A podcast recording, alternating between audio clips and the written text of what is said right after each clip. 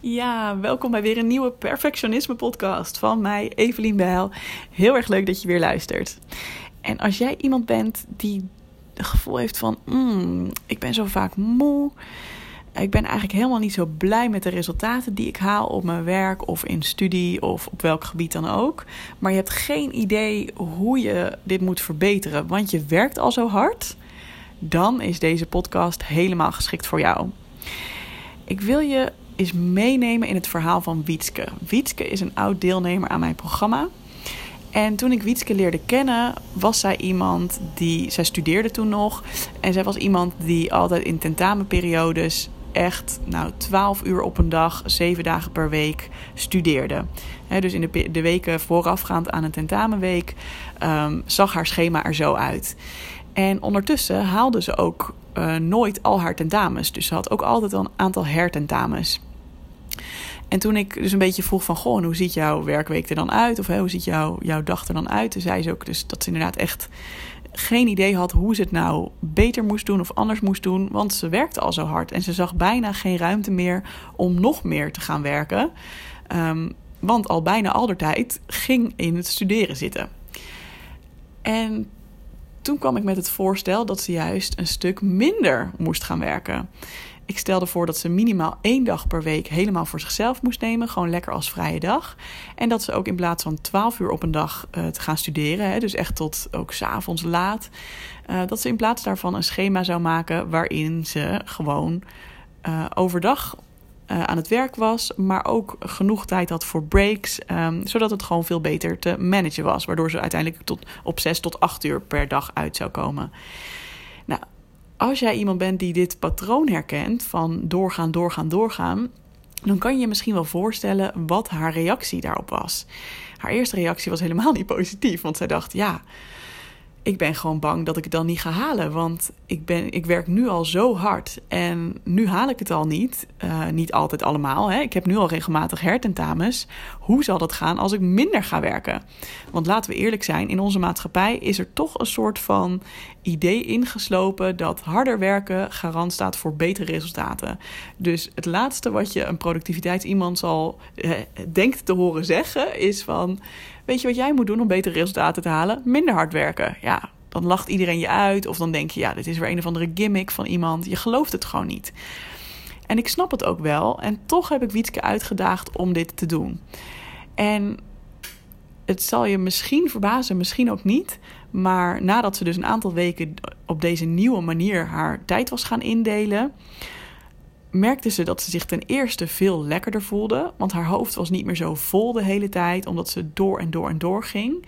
Dus ze nam de stof ook veel beter op. Ze sliep beter. Ze was positiever ingesteld. En, en dat is dan wel echt de soort van de, de kers op de taart. Ze had voor het eerst van haar leven al haar tentamens in één keer gehaald.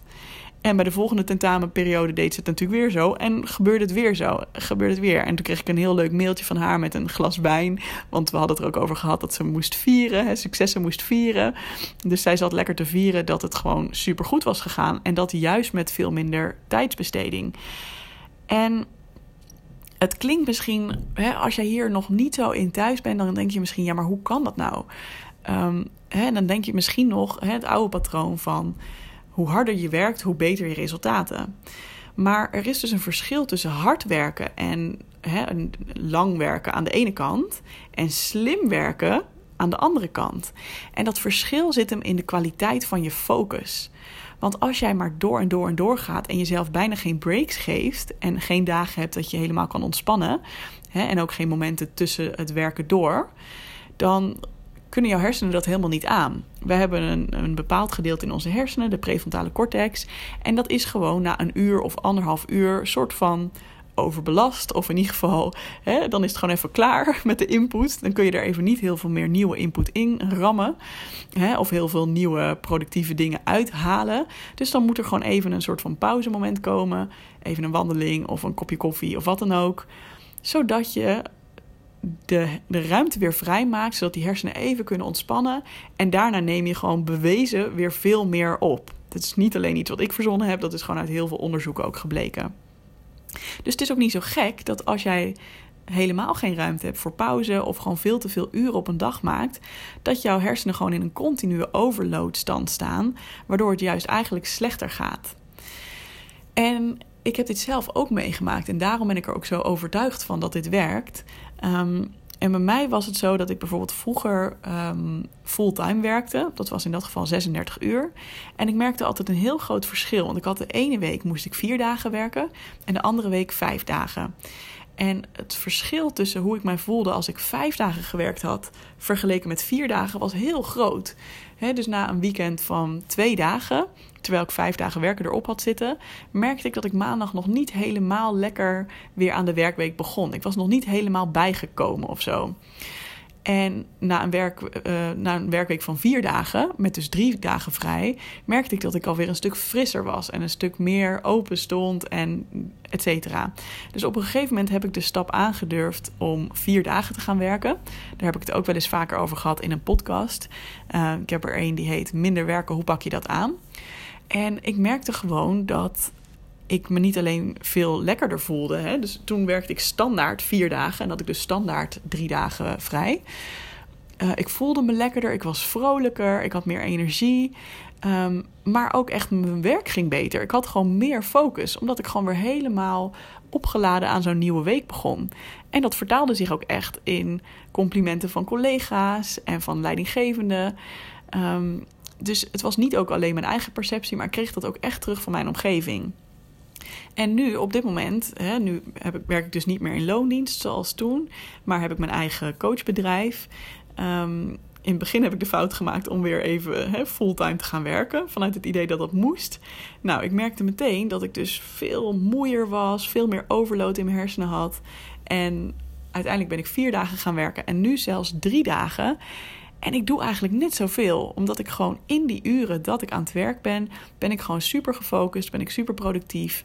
En uh, ja, mijn hersenen hebben alle tijd van de wereld om lekker bij te komen en ook om weer inspiratie op te doen. Nou, het is niet zo dat jij alleen maar door minder dagen te gaan werken ditzelfde effect kan bereiken. Dat vind ik wel even belangrijk om te benadrukken. Natuurlijk is dat iets wat mij heel erg geholpen heeft.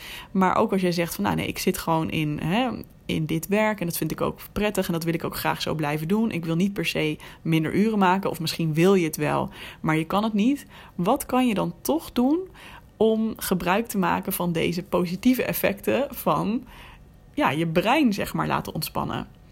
Nou, je kunt sowieso eens gaan kijken naar hoe zien jouw dagen eruit. Ben jij um, de hele dag non-stop bezig? Of zitten er elke uur, elke anderhalf uur wel even een soort van breaks in? Bijvoorbeeld tussen afspraken of tussen werkzaamheden in.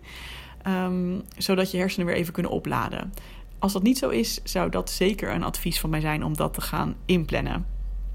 Daarnaast kun je ook gaan kijken naar je vrije tijd. Hè, van ben ik daarin ook continu van afspraak naar afspraak aan het uh, rennen en aan het hollen? Uh, of zit ik continu met een schermpje aan? Of zijn er ook momenten dat ik gewoon eventjes mijn hoofd en mijn lijf, lijf rust gun? Hè, bijvoorbeeld door een wandelingetje te maken of door af en toe eens een keer te mediteren of nou ja, noem het maar op. Dus dat zijn ook manieren waarop je kan kijken naar hoeveel rust gun ik mijn hersenen eigenlijk zodat ik uiteindelijk veel beter kan gaan presteren. En ja, misschien nog wel belangrijker, veel lekkerder in mijn vel komt te zitten. Want eigenlijk vind ik dat nog wel het belangrijkste. Die resultaten zijn natuurlijk super en dat is heel erg fijn. Maar op de lange termijn gaat het er ook om dat het gewoon heel gezond voor je is om op deze manier je leven in te, in te delen. En je wordt er gewoon vrolijker van. En hoe lekker is dat? Dat je gewoon gelukkiger wordt um, dan je misschien nu af en toe bent. Alright, wat ga jij deze week doen om slimmer te werken in plaats van harder te werken? Wat ga jij doen om brain breaks te nemen? Laat het me weten via een DM'tje op Instagram. Zou ik heel leuk vinden. En als je nou denkt, oeh, deze podcast is ook wel interessant voor iemand anders, dan zou ik het super leuk vinden als je hem met diegene deelt. Alvast bedankt en graag tot de volgende keer. Doei doei!